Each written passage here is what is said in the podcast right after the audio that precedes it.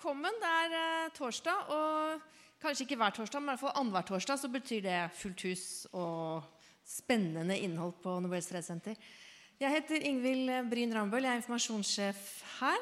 Og på vegne av Nobels fredssenter og Atlanterhavskomiteen så sier jeg velkommen til vårens faktisk aller første sikkerhetspolitiske dypdykk. Det er en serie som har gått noen sesonger her hos oss, og som vi er veldig, veldig glad for og veldig stolt av.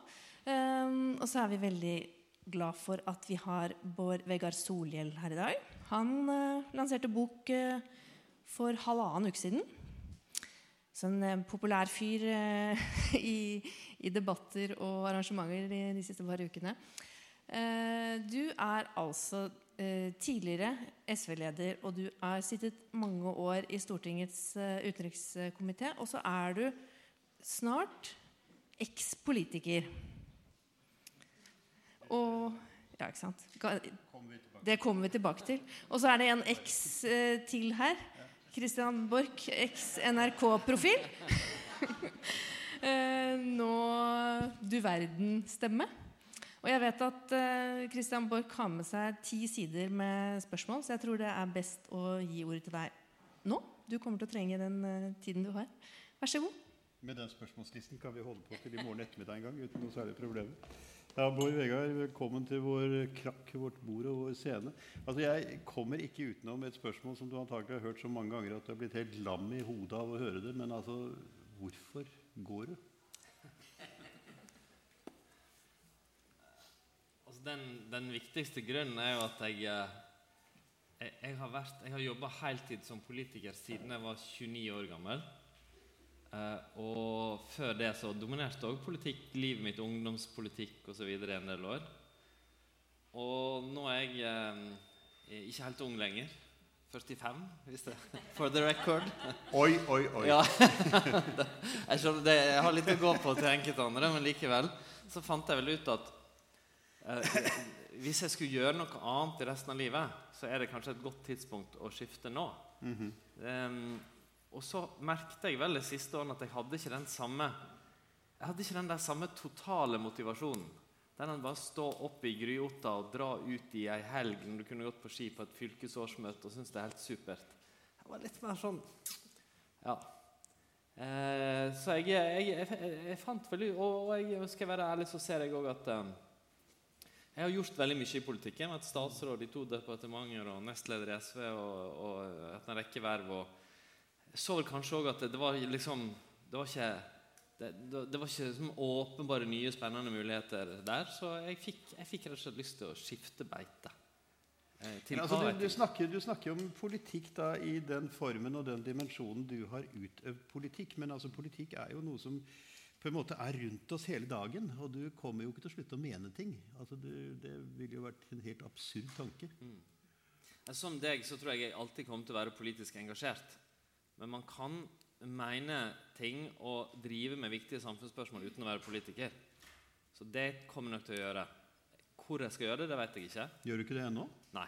Ikke hva du skal gjøre? Nei, det er, ikke, det er, ikke, det er helt sant. Det er ikke sånn hemmelig avtale. Ja, altså, jeg spurte om dette for flere måneder siden, ja. og da tenkte jeg at før eller siden får vi et svar. ikke sant? Ja. Vi finner vel ut av det?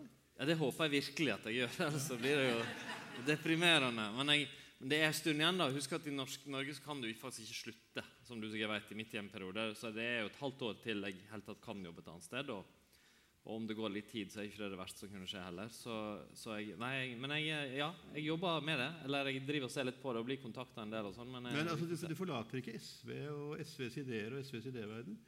Nei. Men er, er, det ikke da et poeng at du sitter altså med et parti som antagelig ville ha god bruk for at det andre du skulle gjøre, var noe du gjør inni partiet istedenfor utenfor partiet? Jo, men altså kan, altså, vel, alle partier eh, opplever av og til at personer som har dominert og vært viktigere, slutter. Og som oftest så går det bedre enn man skulle frykte. Eh, og jeg tror faktisk at eh, Jeg tror det kommer til å gå helt greit.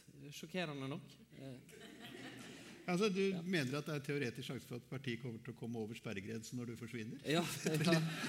altså det, Som en kommenterte meg, det, var jo ikke sånn at det gikk supert de siste årene med meg heller. sånn at eh, ja, det kan, eh, Kanskje er det bra med nye mennesker. En overgang vil det være. De må bli kjente og få, få etablert seg. Det tar jo Det tar jo tid å bli en dyktig politiker og å bli en kjent politiker. Det gjør det. Uh, men, uh, men, jeg tror jeg, jeg, synes jeg opplevde det var riktig for meg, og jeg tror at det her det, det er greit for SV nå med et generasjonsskifte. Men altså, Det går an å stille spørsmålet om det er si, ditt forhold til politikken som har nådd en form for materialtretthet, eller om det kanskje er politikkens utvikling som har gjort at den virker materialtrett i ditt hode. Mm. Altså, Har det skjedd noe med vårt demokrati og oppslutningen om politikken som gjør at premissene på en måte er endret? Er spontaniteten blitt borte? Nei, så jeg må si at Hvis det var ett argument jeg selv har hatt for meg sjøl for at jeg skulle fortsatt, mm. så var det at akkurat nå er det utrolig spennende i norsk og, og europeisk politikk. Mm.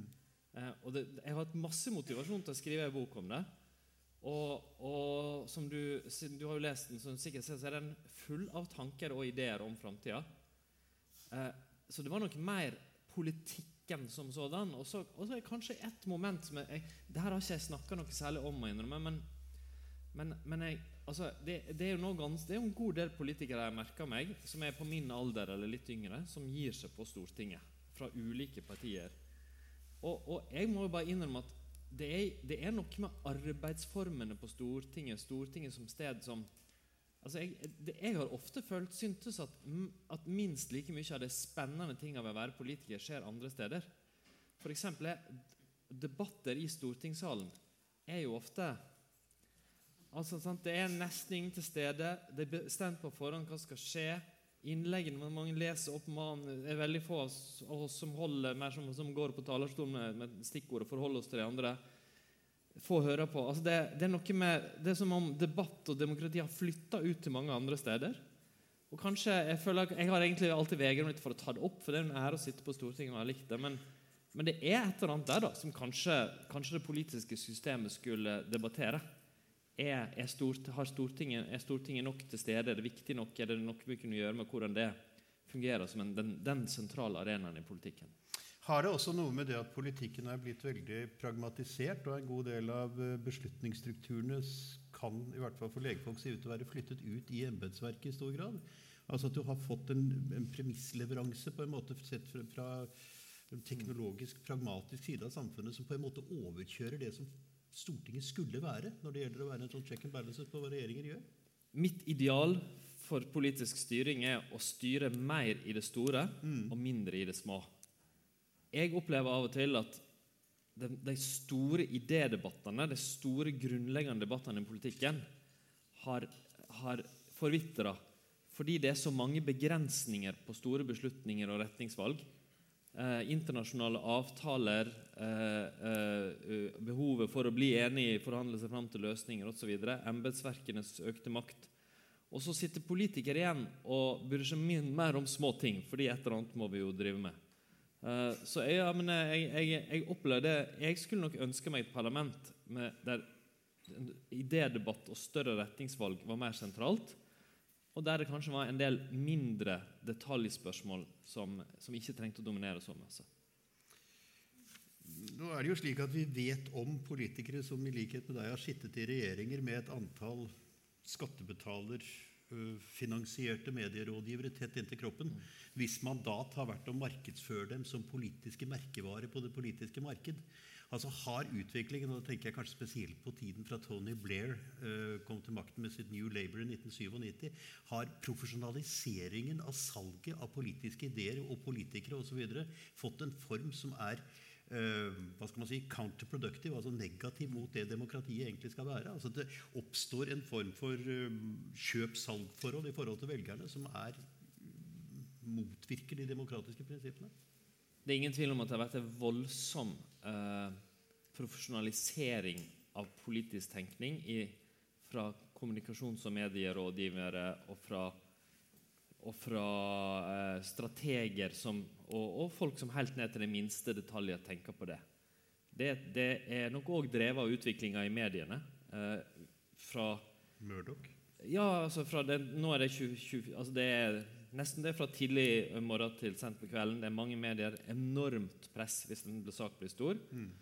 Og, og, og, du er så synlig, vi mennesker er så synlige i sosiale medier og tradisjonelle medier hele tida at, at, jeg tror at det, det det fysiske og det, det synlige blir ekstremt viktig.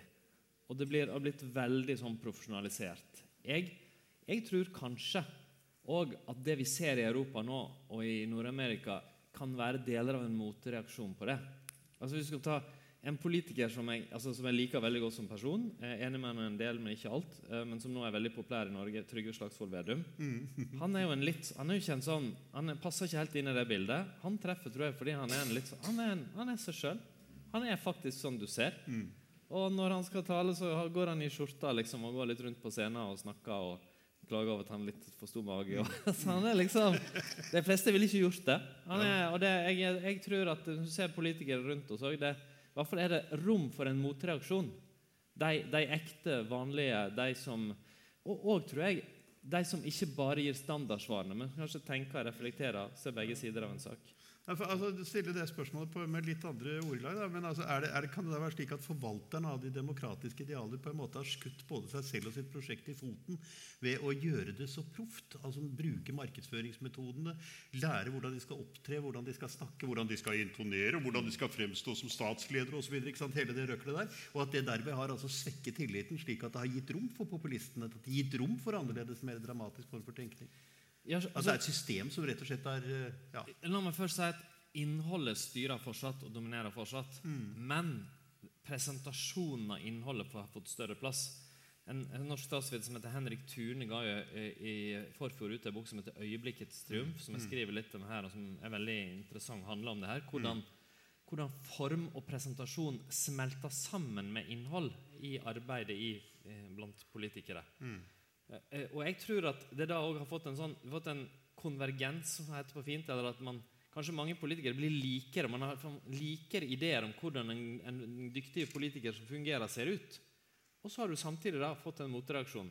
Du, at de som er noe helt annet, kan bli populære. Mm. Eh, men på ganske forskjellige måter. Mm. Det trenger ikke bare være høyrepopulister, det er mange andre også som ser det.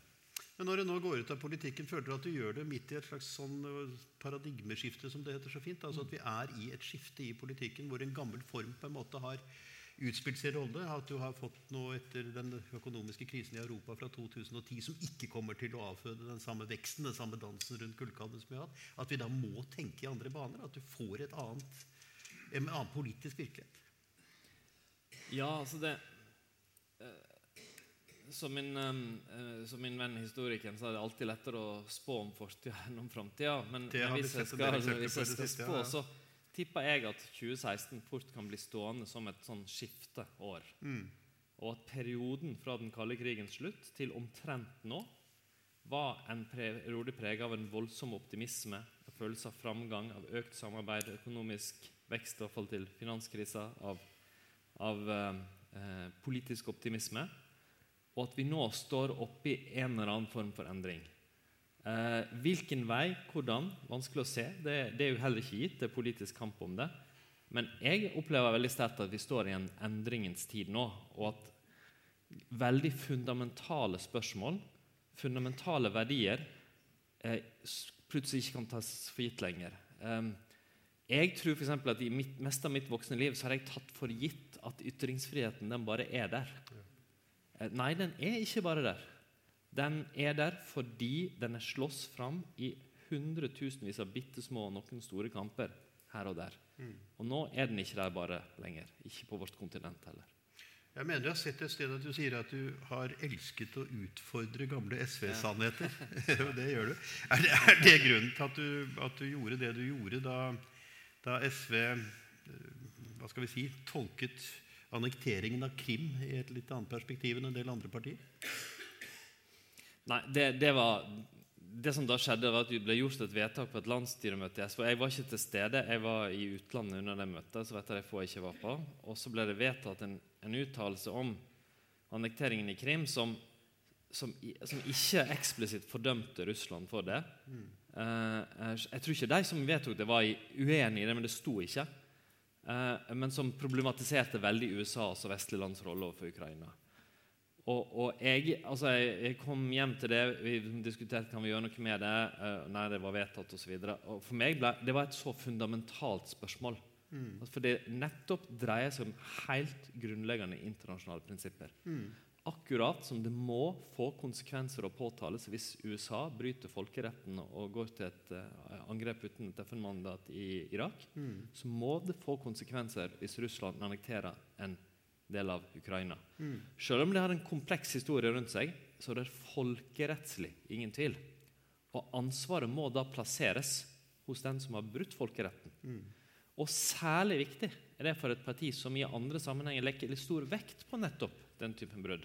Og enda særlig viktigere, hvis jeg får lov å nevne det, så er det fordi det jeg har stått for i utenrikspolitikken, det kaller jeg den tredje vei.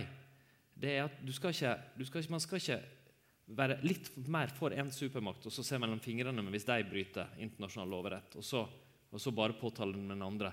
Man skal ha det samme standard for alle. Og Da må jo vi òg vise det sjøl. Eh, at vi har det samme standarder, som altfor få har i internasjonal politikk. Akkurat det har vel vært et av de store debatt, eh, eller skal vi si anklagepunktene fra høyresiden mot SV opp gjennom årene også. At det har vært en tendens til at Den tredje vei har hatt for stor sympati for vestmaktene og for liten sympati for de forsøkene som gjøres på, på altså med østmakten, mens, mens altså, det har vært for lite sympati med det som gjøres i vest. Men du har endret syn på Nato. Ja, hvis jeg bare kan først til det, altså min, min, min oppfatning er at i grove trekk så står SVs historie seg, og, og, det tredje standpunkt står seg godt etter den kalde krigen. Men det var eksempler på feiltrinn, og mer enn feiltrinn, på 60- og særlig 70-tallet. Det er jeg enig i.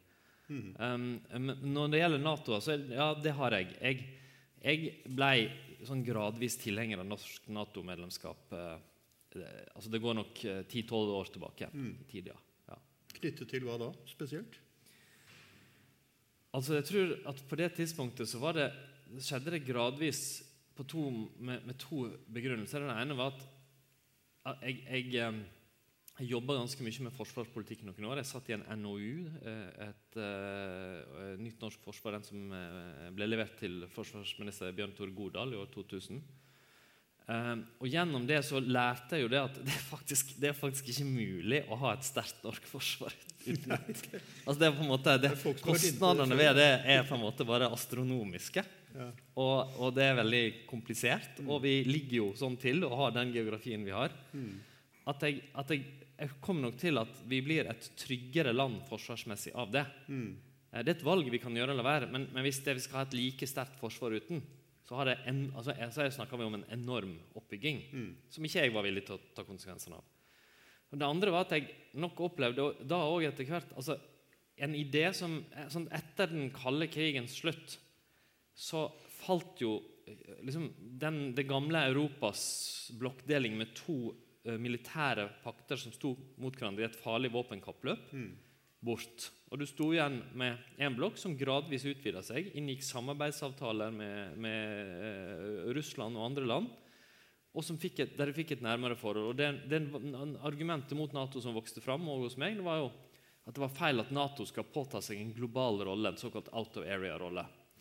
Det jeg så da, det var jo at gjentatte ganger så skjedde det at det var jo ikke Nato som sådan USA brukte som instrument. USA gikk til de landene som de ville ha med seg. De, de, de plukka, lagde koalisjoner av villige. Mm. Så det var den nære knyttinga til USA, det var det, det, det, politiske veivalgen i de enkelte situasjoner mm. vi måtte ta og stå på riktig side av, som Irak eller, eller Afghanistan eller andre. Og Dermed så opplevde jeg òg at det argumentet falt bort. Eh, så den gangen var det, var det, det kombinasjonen av det at jeg argumentet om at, var, om å, at, hvis vi gikk ut av Nato, ville ikke vi ha det problemet med USAs rolle, det falt litt bort for meg. Mm. Samtidig som jeg så at forsvarspolitisk gjorde oss tryggere. Så skal det sies eh, Uh, du vil kanskje spørre ja, hvorfor, hvorfor gjorde jeg ingenting mer med det. Altså, jeg, jeg, ja, jeg, reiste en debatt om det her Jeg prøvde å reise en debatt om det her i SV sånn 2002-2003. Det var ingen stor suksess, for å si det sånn. Uh, så jeg er jo litt pragmatisk mann, så jeg tenkte ja, la det ligge. Det jo, altså, og, og, jeg skal innrømme sant, jeg, jeg har meint det lenge, men, men det, det, er jo ikke det, det er jo ikke det at det mangler jo ikke partier som er for Nato i Norge. Det er jo ikke noe stort problem akkurat sant, at SV er mot Nato. Kanskje kan man til og med si som jeg tenkte at det kan være riktig. At, at du har et seriøst parti på Stortinget som er mot Nato. Kanskje kan det være fornuftig. Jeg, jeg, det, og, og, på det tidspunktet i mange år så la vi jo ikke så stor at Sikkerhetspolitikken var mindre viktig. Vi følte oss ikke trua. Men det her ble nok gradvis en litt viktigere sak for meg etter Russlands anneksjon av Krim, etter at det gradvis bygde seg opp i nærområdene, at han så konturene av en ny rolle. Så de siste årene har det nok begynt å spille en litt mer rolle for meg. Og jeg merker det òg hos norske velgere. mennesker. Jeg møter jo mange mennesker som stemmer SV, eller tenker på å stemme SV, men mens jeg før aldri hørte det, så hører jeg av og til nå at forsvars- eller sikkerhetspolitikken eller Nato kan være et argument for dem mot å gjøre det. Så jeg, jeg hadde nok foretrekt om altså Jeg syns det er helt greit at det store flertallet SV mener det, men jeg tror det hadde vært klokt av SV i større grad å være et parti der man kan mene ulike ting om det. da. Jeg tror, det er jo veldig mange SV-velgere som er for Nato. For eksempel. Man kunne vel kanskje tro at SVs holdning til den tredje vei og til en eh, bygging av allianser i bredere kontekster enn det vi liksom satt med i den kalde krigens dager, ville vært et argument for Nato også. For det er jo et poeng nå at du har fått altså alle de gamle Warszawa-paktlandene inn i alliansen. og det virker vel på en måte sementerende på demokratiet eller på de demokratiske prosessene. altså Det blir en, en prosess hvor man på en måte løser felles oppgaver i en, en felles kontekst. Ja, jeg, jeg, mener det. På 90-tallet var mitt syn at, at, man burde forsøke å erstatte begge de to blokkene med et alleuropeisk sikkerhetssystem. Eh, eh, det, var nok, sant, det var jo et idealistisk standpunkt, men viser seg å ikke være stor realisme i. Men jeg mener nok at gradvis overtok Nato, om ikke fullt ut, vil jeg si, men langt på vei, den rollen. Nato er ikke alleuropeisk, men det har mange av de tidligere Warszawa-paktlandene i seg. Og inntil nylig hadde Nato òg et ganske tett og godt samarbeid, mer enn mange tror, med de landene som ikke er medlem. Mm. Så jeg, eh, ja, jeg har konkludert med at vi kan eh, slå oss til ro med å være Nato-medlemmer. Mm. Ja, du fører jo en del argumenter i marken her som gjør det naturlig å spørre hva du mener om EU. jo, men altså, jeg, jeg, som mange andre så har jeg et pragmatisk forhold til om vi skal delta i ulike typer internasjonalt samarbeid. Og når det gjelder EU, så er jo min oppfatning at eh, Norge, altså det er åpenbart at Norge på viktige felter ikke har så stor interesse av å være EU-medlem, sånn jeg ser det. Um, Men hva kan det komme av? Vel uh, vel for, det første så er jo vi et land med veldig høye standarder på mange områder. Standarder som ligger over uh, det europeiske. Og mens et land som Tyrkia da, eller mange i Øst-Europa vil kunne vente å få et press oppover ved et EU-medlemskap, så vil vi kunne forvente det motsatte. Så har vi noen helt spesielle forhold knytta til landbruks-, og fiskeri- og distriktspolitikken i Norge som er, som er unikt eh, i europeisk sammenheng, og som vil være ekstra vanskelig. Og jeg, jeg vektlegger det. Så mener jeg også at over tid da, så har det jo vist seg ganske, som en ganske god idé i utenrikspolitikken at det finnes enkelte land i Europa som ikke er en del av de forhandlingene om en felles utenrikspolitikk som andre land har, men kan ha en friere rolle. Og Jeg har selv opplevd det som miljøvernminister i klimaforhandlingene, der, der EU-landene koordinerte sine posisjoner. Og så kom de under hånden til oss ved møte med andre nordiske. Kan ikke Norge ta opp det spørsmålet her nå? liksom? Og så ofte i et samarbeid, i en samforstand, så dro vi en flanke. Og så jobba vi sammen med de andre nordiske som prøvde å dra den samme flanken innad i EU, men da ikke kunne gjøre det like åpent. Jeg har jo også sett hvordan, hvor ofte Norge får en posisjon i den typen forhandlinger fordi vi er et ikke-EU-land, så er det lettere å spille en sånn rolle. Altså et, eksempel, eh, et, litt annet eksempel er jo det som skjedde under historiens største nedrustningsforhandlinger. altså Forhandlingene om de konvensjonelle styrkene i Europa. For Der var det altså blokk-til-blokk-forhandlinger, og der satt altså europeerne, altså EU, med samordnede synspunkter, mens Norge, Island og et eller annet land, tror jeg, Liechtenstein eller noe sånt, ble dinglende på utsiden av systemet uten å komme inn i den prosessen i det hele tatt. Og det du der så tegn på, det var jo en sikkerhetspolitisk debatt som da foregikk intenst innad med de premissene som EU legger. Kan det tenkes at debatten i Norge rett og slett har ligget for brakk? At vi gjennom to folkeavstemninger, og kanskje den, særlig den første, ble traumatisert av så dype grunnleggende bølger av uenighet innad i samfunnet at vi ikke har turt å ta den debatten ordentlig. Traumatisert er et sterkt ord. Men, jo, men, det, jo, men jeg skjønner poenget ditt. Altså, jeg, jeg, er helt enig. Jeg tror at Jeg er klar over at du ikke er historiker, vi, men statsviter. Men allikevel ja, vi, vi, vi, vi, har, sånn, har, Jeg er jo en europeer. Så jeg føler meg som en europeer, mm. men jeg er motstander av norsk medlemskap i EU. Eh, men det jeg opplever rundt meg, er jo at forholdet vårt til Europa og europeiske spørsmål opptar veldig mye mindre flater i Norge enn f.eks. gjør i Danmark og Sverige. Og det tror jeg ikke først og fremst fordi, fordi vi står utenfor, men fordi vi har det der, vi har lagt det lokket over. Vi, vi orker liksom ikke. Nei, og Og det, og det går litt eh, ulike veier. og det, for så er det jo sånn at Vi burde jo diskutere problematiske sider ved EØS-avtalen. Ikke nødvendigvis for eller mot, men liksom sider ved den som skaper problemer. Mm.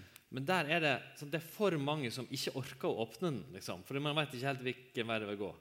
Eller som du sier, vi, vi burde jo ha store diskusjoner i Norge i forkant av europeiske prosesser på klima eller sikkerhet eller andre felter. der vi, Hva skal Norge mene? Hvordan skal vi komme i inngrep?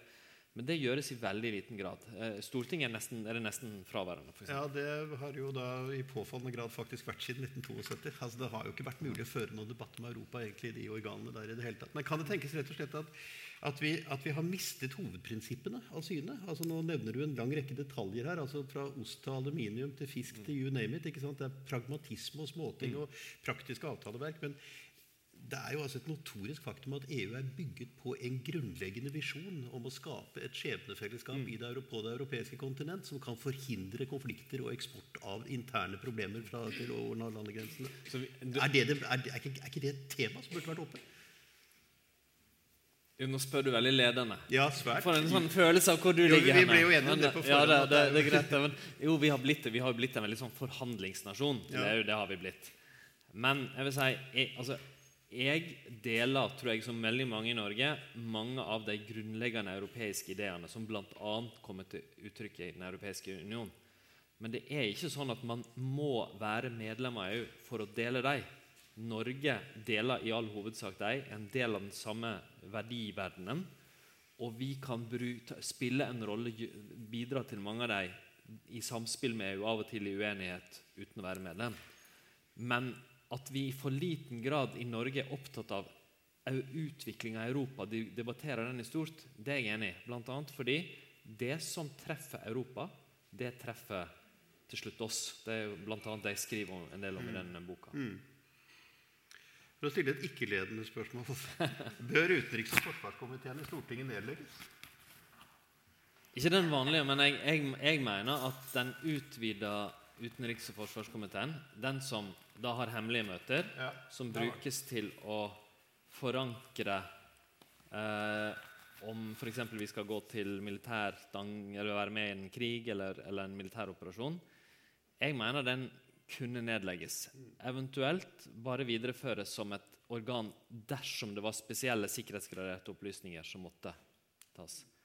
Det, det er helt feil. Det, ja, ja det, har, det har det blitt. Det, er, det, er, det er helt feil at vi gjør det på samme måte som vi gjorde i åra etter andre verdenskrig. Sant? Det, I den kalde krigen så var tenkninga i Norge at vi må passe på å være enige. Vi er et lite land, vi ligger skummelt til. Vi må ikke ha for masse debatt om de store tingene. Det, det, det er ikke farlig å debattere ting. Tvert imot, der det tenkes for likt, tenkes det ofte for lite. Kan det Og ikke det være er farlig ikke å debattere? Nettopp. Det, det, det, og det, jeg la, la merke til den såkalte Afghanistan-rapporten som Godal-utvalget kom. Jeg må si at Det gjorde inntrykk på meg å høre Bjørn Tore Godal si at de dro til London, til Washington DC, og i begge hovedsteder opplevde de klart mer debatt og uenighet om de store spørsmålene i Afghanistan-deltakelsen enn i Norge. Sånn bør det ikke være. Og så er det et problem for uh, åpenheten. Fordi altså, du skal ikke lenger enn til Danmark så er det sånn at når de skulle delta i Libya eller skulle delta nå i, i Jordan, med, med styrke til Jordan, Syria, så må det vedtas i Folketinget. Vi hadde den danske utenrikskomiteen på besøk og spør jo da, der er det full enstemmighet om den måten å gjøre det på. Og Da må det gå kvikt, men altså vi er parlamentarikere. Vi må bli tåle over innkalt på en dags varsel for å gjøre et viktig vedtak. Og, og jeg syns det har en prinsipiell side òg. Vi vedtar jo eh, budsjettendringer og, og alle mulige detaljerte forslag ned i 100 000-kronersklassen i Stortinget. Men å sende våre egne soldater til en krig der vi kan regne med at noen kanskje kommer til å miste livet, den aller største avgjørelsen du som folkevalgt kan gjøre, den er hemmelig og tas inn konsultasjon av noen få. Det er galt. Det bør være noe den enkelte står til ansvar for i en votering i Stortinget. Og det bør òg være sånn at begrunnelsen legges fram offentlig av regjeringa. Partiene kommenterer, sånn at man i ettertid kan se hva sa de, hva mente de, og kan, kan bedømme om begrunnelsen var god eller dårlig. Jeg bare tillater meg en kommentar der, for jeg satt altså i en posisjon som gjorde at jeg så etterretningsrapporten om hva de norske styrkene ville møte. Og det ble altså i oppsiktsvekkende grad ikke reflektert i den politiske debatt. Der fikk man jo nærmest inntrykk av at freden var opprettet, demokratiet var opprettet, og de norske soldatene skulle stort sett følge små piker til skolen og gi dem selvbevotter på hvis de frøs. ikke sant, i den stilen der. Og det er klart at innholdet i den debatten var altså nesten ikke eksisterende. Men eh, altså, betyr det da at, eh, at eh, hemmeligholdet og den, altså den evig gjentatte historien om konsensus i norsk utenriks- og sikkerhetspolitikk som vi har gått med, på en måte har virket dempende på en, på en debatt om Norges plassering i internasjonalt? Ja, det er min oppfatning at Hvis du ser bort fra EU-spørsmålet, der vi jo har hatt Ja, Det var det jeg tenkte jeg skulle lure deg til ikke å måtte gjøre. Ja. Jo, det, jo, jeg måtte det, fordi der, Du hadde tenkt å komme tilbake. Nemlig. Liksom, jeg hadde planen det der, ja. Nei. Nei, den er et stort unntak. Eh, hvis du ser bort fra det, så har, er det akkurat som vi bare bevarte en tradisjon etter den kalde krigen. Sakte, men sikkert endra verden rundt oss seg. Det ble mer rom for debatt. Men fortsatt, det er ganske vanlig i en utenriksdebatt i Stortinget at folk går på talerstolen så sier det helt sånn som et munnhell. Ja, det er stor enighet her, og, og vi, eh, det er viktig at vi har, eh, har den breie enigheten om utenrikspolitikken i Stortinget. Mm. Men jeg mener vel egentlig at det viktigste hadde vært om vi hadde den bred debatten om utenrikspolitikken. Mm. Vi burde hatt flere posisjoner. Og, og jeg syns nok òg at hvis du drar liksom, til forskere og organisasjoner, så er det mye bredere spekter av, av, synspunkter. Mye mer debatt enn det er i det politiske miljøet. Det er en svakhet. Her skal du få et ledende spørsmål til. Altså, Er verden i ferd med å bevege seg inn i en situasjon hvor den debatten blir viktigere? Og viktigere. Altså Er trusselen mot vår stabilitet og vår situasjon av en slik karakter at publikum bør trekkes mer inn, at den offentlige debatten bør stimuleres? Altså helt åpenbart Eh, Jeg vil jo si at den har egentlig vært det før òg. Men, mm. men, nå er vi jo inn der det er tidskritisk. Altså der det, der det, der det henger, sånn, våre veivalg henger så tett sammen med ting som skjer rundt oss. Sikkerhetspolitiske situasjonen uh, mot Russland, uh, det som skjer på det europeiske kontinentet, våre amerikanske allierte det er jo, det er jo eh, akutt viktig for oss. Mm. Og jeg tror at vi står i altså, uten, uten klare motstridende posisjoner eh, så, klar, så, klarer man ikke å skape en god og bred debatt. Sant? Folk er avhengig av ulike posisjoner for, at, for, å ta stilling. Mediene skriver kun om det hvis det er konflikt om saker. Så jeg mener det er en stor svakhet. At det er en sånn frykt for politisk debatt da, på det feltet. Nå er jo også Den politiske debatten i ferd med å, å få liksom litt uh, annen karakter. fordi vårt forhold til realiteten har jo fått seg en bulk her og der. for å si det sånn. Er Donald Trump en katastrofe for den politiske debatten? Altså, altså For den politiske debatt så er han vel kanskje ikke en katastrofe?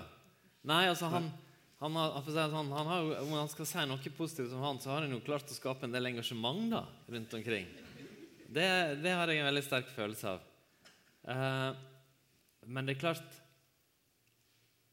jeg, jeg, jeg, vet ikke hva du jeg, jeg, hadde aldri tenkt at en sånn mann kunne bli valgt Nei, det var det ingen som hadde. Det var... viktig verv. Og, og, dels er det, altså det Jeg opplever det som skummelt på to måter.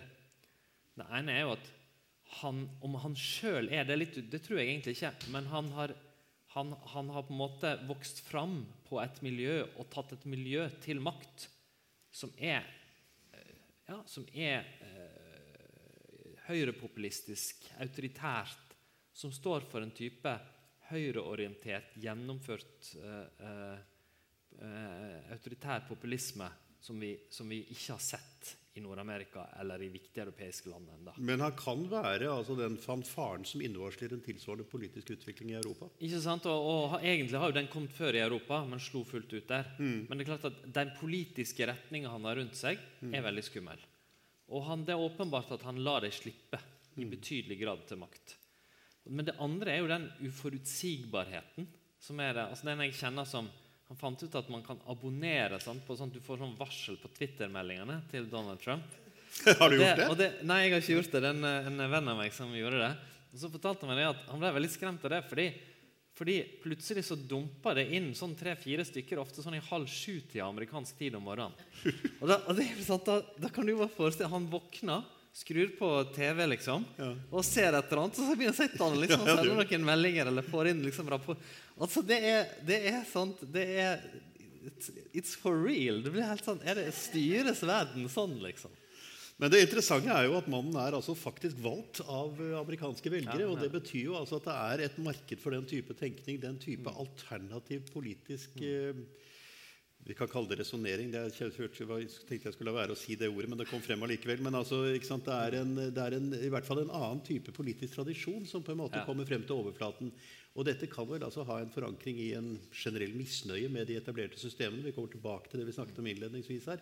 Og er du redd for den tendensen? Altså, ser du at den vokser frem også på det europeiske kontinent? Og har den en såpass sterk uh, hva skal vi si, contagious, altså smitteeffekt at den kan eh, ja, da tror jeg det først er viktig å si at Donald Trump er jo ikke USA. Altså, i, USA er som vanlig både det beste og det verste av eh, ting. Og, og flertallet av velgere i USA stemte jo faktisk ikke på Donald Trump som president den gang. Men at han og det han står for, det han har rundt seg, kunne bli så stort altså Dels er det nok noe med hans personlighet som når mange. Men det er òg fordi eh, en type høyrepopulisme som også er ganske autoritær i sin form, åpenbart i dag kan få ganske sterk støtte i mange land i sine forskjellige former. Den kan det i Nederland, i, eh, i Storbritannia, i Frankrike, eh, i Tyskland. Husk på det. Tyskland har aldri hatt et parti til høyre for kristendemokratene og, og, det, og, og Nei. i sitt parlament etter andre verdenskrig. Bank i Bak i bordet. bordet. Mm. Før nå Alternativ for Deutschland Jeg har ikke sjekka siste målingen, men de har ligget lenge på over 15 i, i snitt. Ligger nede på 10 ja. Det er likevel sant? Det, det, alt det kommer til å komme inn med en eh, Hvis ikke noe veldig endring, så er det en, en betydelig gruppe. Mm. Så det er jo helt åpenbart at ulike varianter av en høyrepopulisme slår sterkt inn. Forklaringene kan være mange. En, en veldig sentral komponent er åpenbart innvandring. Mm. Det er noe av det som, som de har til felles, en veldig motstand mot innvandring. Husk det, For 50-60 år siden så var de fleste land i Europa ganske homogene og helt dominert av kristendommen. På et halvt århundre så har vi vært gjennom en veldig stor endring på det i de fleste vesteuropeiske land. Så er det åpenbart også at det er en sterk eh, altså at Jeg tror, i i hvert fall indirekte, at den voldsomme økonomiske ulikheten som har vokst fram i mange land, eh, en del av det. Og, og at mange land mennesker ikke opplever reallønnsvekst. Eh, et land som Storbritannia har hatt ti tiår nå der middelklassen ikke har opplevd reallønnsvekst. Altså at de får det bedre bedre for år. I USA enda lenger. Og tenk, Prøv å forestille dere hva det betyr. Sånn, det er dypt forankra hos mennesker, den ideen om at vi skal gjøre det, vi skal gjøre det bedre for våre barn enn oss. Vi skal, ha, skal gå framover. Når du opplever at det ikke skjer, og hvis du er blant de som er taperne, mister jobben, eller til og med det kommer arbeidsinnvandring som, som eh, presser lønnsnivået i bransjen din ned, det er klart at det, det kan spille sammen ganske tungt. Og Det tredje er det jeg kaller en veldig sterk verdipolarisering. Jeg tror mange av de verdiene sikkert de fleste av oss som sitter her i dag, og mange som hører på, tar for gitt. Som moderne, vestlige, eh, liberale verdier. Det er jo ikke så lenge siden det er veldig få hadde dem. Altså, Homofili var forbudt i Norge når jeg ble født, og jeg er jo ikke så gammel. Eh, likestilling har gjort et kvantesprang. Jeg gikk aldri i en barnehage når jeg var barn. Det var det mest vanlige å kjøre da. Det, det, det er kvantesprang. Og, og det er ikke kvantesprang alle har vært med på. Det er ikke så rart at det da får et veldig strekk i laget i verdisyn. Og det er den, Å forstå kombinasjonene av hvordan det spiller ut, som er så sentralt. Og det jeg, det jeg frykter mest av alt, er jo at de tette fellesskapene, den høye tilliten som har preget samfunn, kan sprekke opp når både de økonomiske forskjellene blir store, når de kulturelle og religiøse forskjellene øker, og hvis verdiene i mindre grad deles. Problemet er vel også det at når folk føler frustrasjon, så blir de lett mottagelige for en enkel propaganda som kommer med de enkle løsningene, og som fremfor alt fanger opp den frustrasjonen. Problemet er vel kanskje at uh, disse populistiske bevegelsene er stort sett isolasjonistiske. altså De er ikke multinasjonale i sin måte å tenke på. De er nasjonalistiske, isolasjonistiske, proteksjonistiske. Og dermed så er du tilbake til eh, jeg på å si mellomkrigstiden. altså Du er tilbake i en situasjon som vi da har arbeidet intenst for å komme ut av i Europa. Ja, jeg, altså jeg mener jo at vår tid har skumle fellestrekk med mellomkrigstida. En stund så vegrer jeg meg faktisk litt for å si det, sant? fordi det er jo, kan høres dramatisk ut. Og jeg må understreke at det er store forskjeller, og at jeg ikke tror det blir en ny krig i Europa. Men jeg leste en, jeg leste en interessant artikkel av en forfatter og journalist som heter Olav Brostrup Müller her i, i fjor vår. Som, og han skrev jo noe veldig klokt, nemlig at mennesker som levde i mellomkrigstida, de visste jo ikke at de levde i mellomkrigstida. De trodde de levde i etterkrigstida. Sant? Fordi, ja, men Første verdenskrig var over. Og 20-tallet var, jo en, eh, det var jo som en gledens tid, som 90-tallet. Nå er det framskritt og, og, vekst og fellesskap og forbrødring osv. Og, og så gradvis utover 30-tallet så, så, slår det til Det begynner jo før det. altså Mussolini kommer til makta i 22, eller noe sånt. Men, men, men det, det, det, blir tydeligere utover 30-tallet. Men sjøl da så er det jo det er jo ikke sånn at alle er enige om at nå går det godt. Tvert imot. Det er altfor mange som tror at det går nok bra, det går nok bra, og, og en del advarer. Og, og, det har litt for mange fellestrekk. Eh, økonomiske, sosiale problemer, selv om det var verre da. Folk vender seg mot autoritære ledere, selv om det var verre da. Eh, veldig, en veldig eh, sterk verdipolarisering, selv om det var mer dramatisk da. Mm. Så er det trekk som jeg vil advare mot. Og, det, og jeg tenker det er litt som det at det, det er bedre å, at, vi, at, vi, ser det, at vi diskuterer det, enn at vi liksom bare satser på at det går over. Mm. Men setter ikke dette politikerne under et sterkt press? Altså Er det ikke de demokratisk valgte politikere som velges av velgerne for å skape bedre samfunn, som har et ansvar for å motarbeide disse kreftene og forklare folk hva som egentlig skjer, hvorfor det er blitt sånn osv.? Så mm. Altså Bør ikke politikere være mer opinionsledende enn de har hatt en tendens til å være i den finanskapitalistiske æra, hvor de er blitt mer opinionsledede? Ja, det kan du si. Men jeg vil faktisk ikke frata ansvaret heller for den enkelte borger i samfunnet.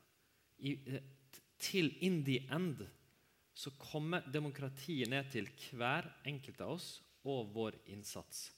Alt starter og slutter der. Så er jeg enig med deg at politikere har en spesiell rolle. Vi som er folkevalgte, for eksempel, har jo fått helt spesielle oppdrag. Og, og jeg har f.eks. prøvd å forvalte mitt oppdrag ved å delta i og bidra til offentlig debatt om store veivalg og den, av mm. den typen vi snakker om nå. Og, det, og, og, Hvis jeg skal si en positiv ting, så opplever jeg jo at bare i løpet av det siste året så har ledere og politikere og, og andre opinionsledere i en rekke europeiske land innsett at nå står vi på en annen måte oppi et alvor. Deltatt i den offentlige debatten, eh, eh, konfrontert høyrepopulister, tatt tak i mer som f.eks. hvordan demokrat, demokratiske institusjoner, ytringsfrihet, religionsfrihet utfordres. At det, det, er et annet alvor og en annen vilje til å debattere det gå inn i de grunnleggende spørsmålene. Mm. Bare på et års, vil jeg si. Er du urolig for utviklingen? Altså ser du, altså Mer likhetstrekkene til 30-årene er jo selvfølgelig dystopisk eh, fremtidsbilde. Men er du bekymret for utviklingen, særlig i Europa? Eh, stabiliteten, Den politiske stabiliteten? Altså, jeg, jeg egentlig er jeg en veldig optimistisk person. Uh, ikke? Jeg, jo, jeg er egentlig er, en veldig optimistisk person. Og det er, så jeg, ja, jeg, jeg, har jo Før i verden så har jeg jo ofte gjort litt Jeg har ikke gjort narr av Nå må jeg ikke bruke sterke ord. Jo, jeg har gjort litt narr av eh, de, de, som, som på venstresida som, som alltid sier sånn nå, alt går verre, og, og nå går det mot krig. Så, jeg, ting har jo i veldig stor grad gått bedre da, de siste 70 mm. åra. Mm. Vi har gjort fantastiske framskritt. Eh, så, så, men, men, nå opplever jeg for første gang en sånn i min, mitt voksne liv at grunnfølelsen min Selv om Veldig mange ting går bedre globalt. Eh, altså Jf. Kina, som vi debatterer, fantastiske framsteg. Mm. Men at veldig mange ting i verden rundt oss, altså den europeiske verden som vi er en del av, er et trekk der jeg føler ja, Der jeg har uro som en sånn grunnfølelse. På hvilken måte kan den uroen uh, komme til å vise seg å være realistisk? Eller for å si det på en annen måte hva kan skje? Det de Jeg nevnte de tre kanskje kjerneutfordringene. Den kaller en, en, sånn, en ulikhetskrise, en økonomisk og sosial krise. Vi merker jo ikke det i Norge. Sant? Vi har vært eh, vi har som lottovinner. Ja. Eh, Men husk at i mange europeiske land så er ungdomsarbeidsløsheten fra sånn 20 til 50% Altså Land som Sverige har 20 av ungdomsarbeidsløshet. Sør-Europa 40-50. Reallønnen står stille osv. Ulikheten vokser. Um. Eh, det, det, det er en kjempe altså det, er det, er en bombe, etter mitt syn, under eh, landet våre. Så er det innvandringa. Jeg, er jo en, jeg er nå- tilhører jo den liberale enden av i norsk innvandringspolitikk. Jeg er veldig for innvandring av forskjellige slag. Men hvordan vi gjør det, og hvordan integreringa har fungert, er avgjørende spørsmål. da. I Norge har vi klart det ganske godt. Det finnes land og byer i Europa som ikke har det. Der, der, samt, der det er blitt parallelle strukturer, samfunn, kulturer ved siden av hverandre, der fellesskapene er få og små. Og så den, det en kaller den veldige verdipolariseringa. Det er klart at land som Russland, Russland og Tyrkia, blant de mektigste og viktigste landene i Europa, land der vi har sett en positiv utvikling over år, så har den snudd. Eh, Polen, òg et stort og viktig land. Ungarn, Ungarn, ja. mindre, men Ja. dog. Mm. Det, det, det, det, er sånn, det er innafor det spekteret. Og, og, og kanskje særlig i, i sum. Altså, hvordan de tingene her kan legge seg oppå hverandre. Hvis jeg kan gi et eksempel fra altså Jeg var i jeg, jeg, har, Berlin har liksom i all, hele mitt voksne liv så har det vært min, eh, min favorittby i Europa. Fra jeg eh, kom dit første gang før murens fall i 89. Kom tilbake en år etterpå. Og bydelen Neukölln i, i, eh, i eh, Tyskland den er, altså den, Mange kanskje som har reist dit, vil kjenne den som en av de kuleste eller hippeste bydelene. En sånn slags sånn Grünerløkka i Berlin, bare mye bedre, tror jeg. Um, uh, og, og det er, er litt av sannheten om Neukölln. Men den andre delen av sannheten om Neukölln er jo at det er den mest innvandrertette bydelen i Berlin. Det bor særlig mange tyrkere der. De kom som fremmedarbeidere, invitert for å jobbe i landet på 60-, 70-, 80-tallet. Eh, Da det, var det regler i Tyskland om hvor man kunne bo og ikke bo, og svært stor andel av dem bor i Neukölln. Og jeg skriver i, ja, I den boka jeg har skrevet, så skriver jeg om siste gang jeg var der, hvordan jeg går ned ei gate. Jeg er i et område der jeg nesten bare hører tyrkisk, eller det jeg antar var tyrkisk rundt meg. Der det er skilt dels på tysk, dels på tyrkisk, mange butikker, men bare det.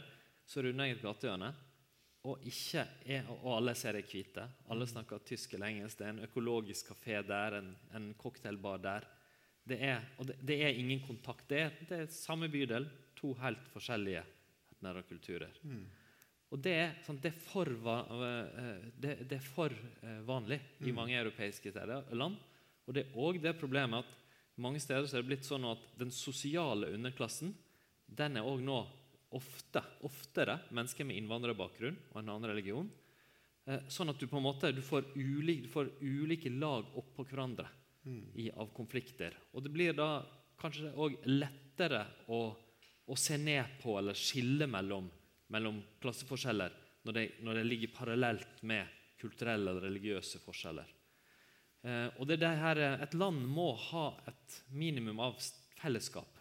St og, for Norges del vi må ha sterke fellesskap hvis vi skal henge sammen og fortsette å være en type høytillitssamfunn som vi har vært. Historisk sett så oppstår jo nasjoner ved at mennesker samler seg og definerer felles interesser og felles behov og mål osv., og, så videre, og så utvikler samfunnet seg på basis av det. Men det høres ut som dette skjer fryktelig fort. Og vi er jo ikke ved enden av en utvikling, vi er snarere ved begynnelsen av en folkevandring. Det er helt riktig. Vi, vi er ved en, en stor transformasjon av Europa. Fra å være ganske homogene nasjoner som over 100 år vokste fram, mm. men òg ofte ved konflikt, religionskriger eh, Bare se på protestanter og katolikker i Nederland og andre land. Nå er vi i en ny sånn endring. Og, og min grunntese er at når det, vi kulturelt og religiøst blir mer mangfoldig, noe jeg er eh, for og mener eh, mange eksempler i verden på at det kan fungere godt, men da må òg verdifellesskapene mellom oss bli sterkere. Eh, og så tror jeg det er særlig viktig når vi blir mer mangfoldige, at de økonomiske og sosiale forskjellene forblir små, og at vi veldig systematisk bygger dem ned. Ja.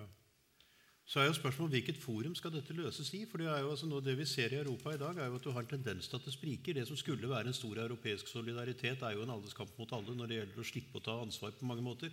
Er Nato et alternativ? Er det sikkerhetspolitiske samarbeidet som har bevaring av vår samfunnsform som sin hovedoppgave det formatet som skal til? Nei, nå, jeg, nå, nå skjønte jeg hvor du skulle. Ja, du gjorde det? Om en to-tre spørsmål. Men, men jeg, da skal jeg svare med å si at tross alt så vil grunnenheten for å løse sosiale, økonomiske, integreringsmessige utfordringer være nasjonalstaten eh, og innenfor EU. Eh, eh, det er det meste av kompetansen på det, det meste av virkemidlene ligger der.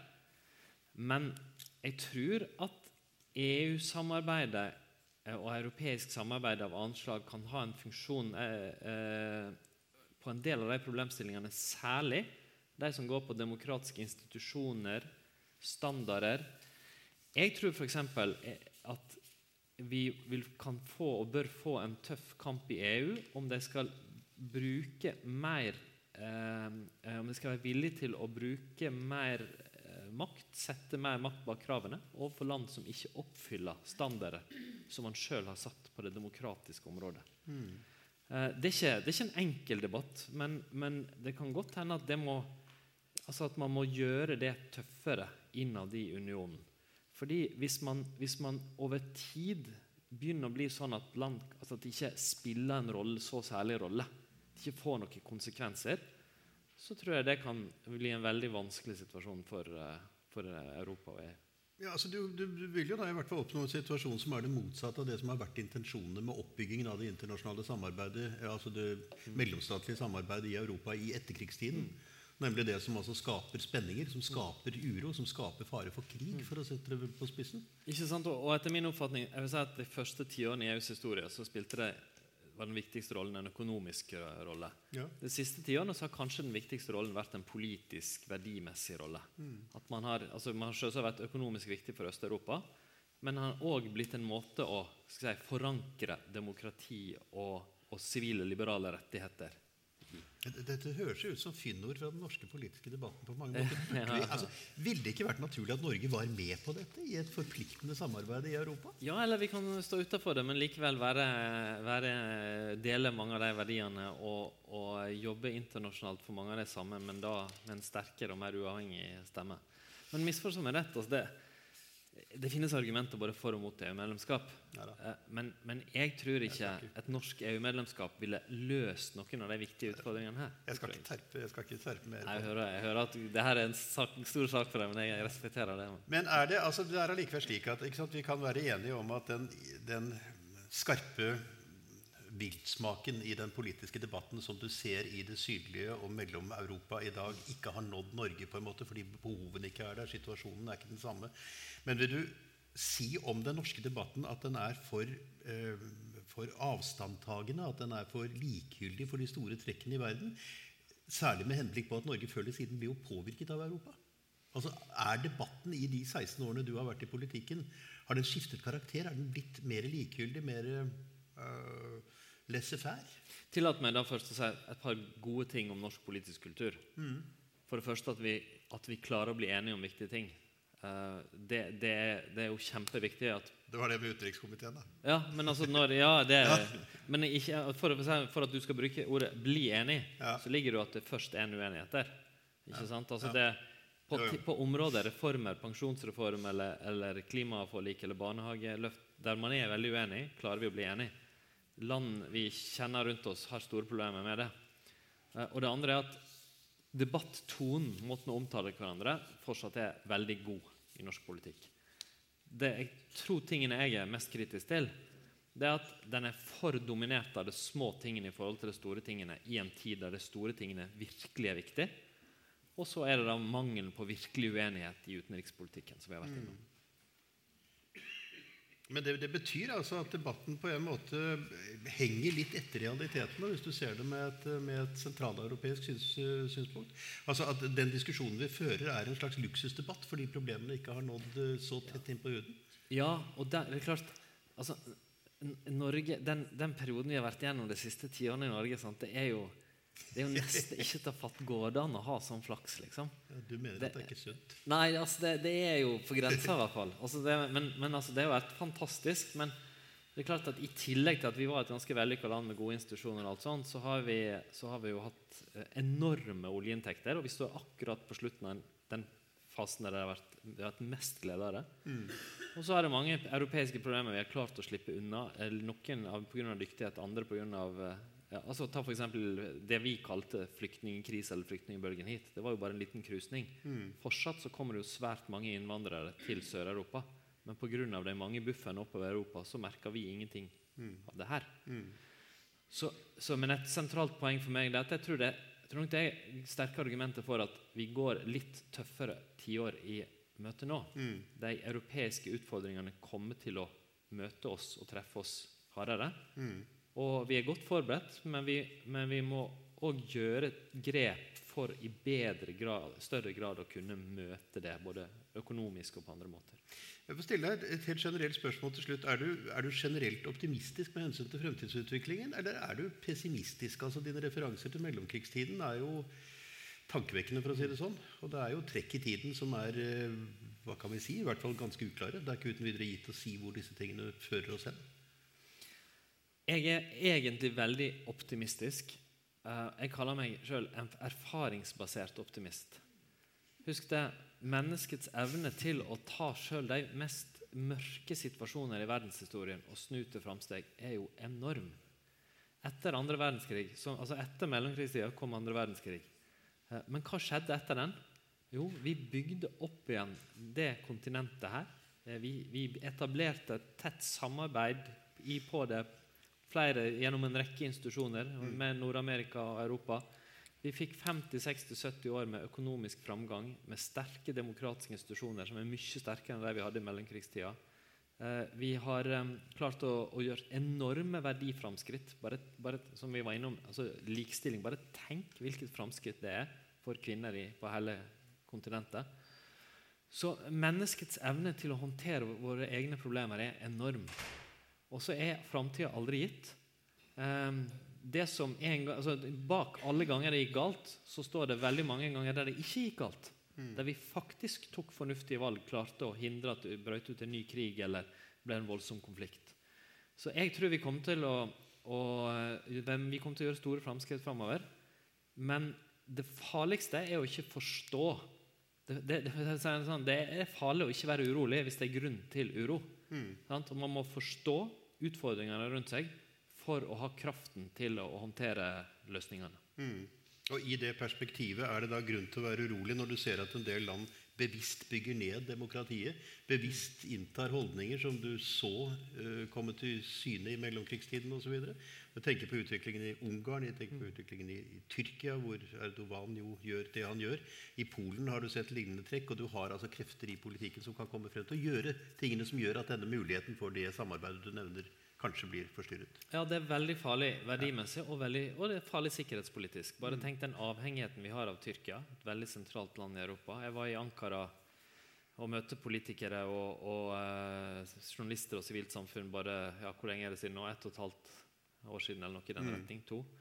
Og, og, og, det ble en veldig vekker for meg. det var som at Vi møtte altså personer, med, politikere, moderate politikere fra Kemalistpartiet, altså det tidligere dominerende partiet. Vi møtte journalister fra de største avisene, tunge internasjonale menneskerettighetsorganisasjoner, seriøse mennesker. Var, det var som et rop om å se oss nå.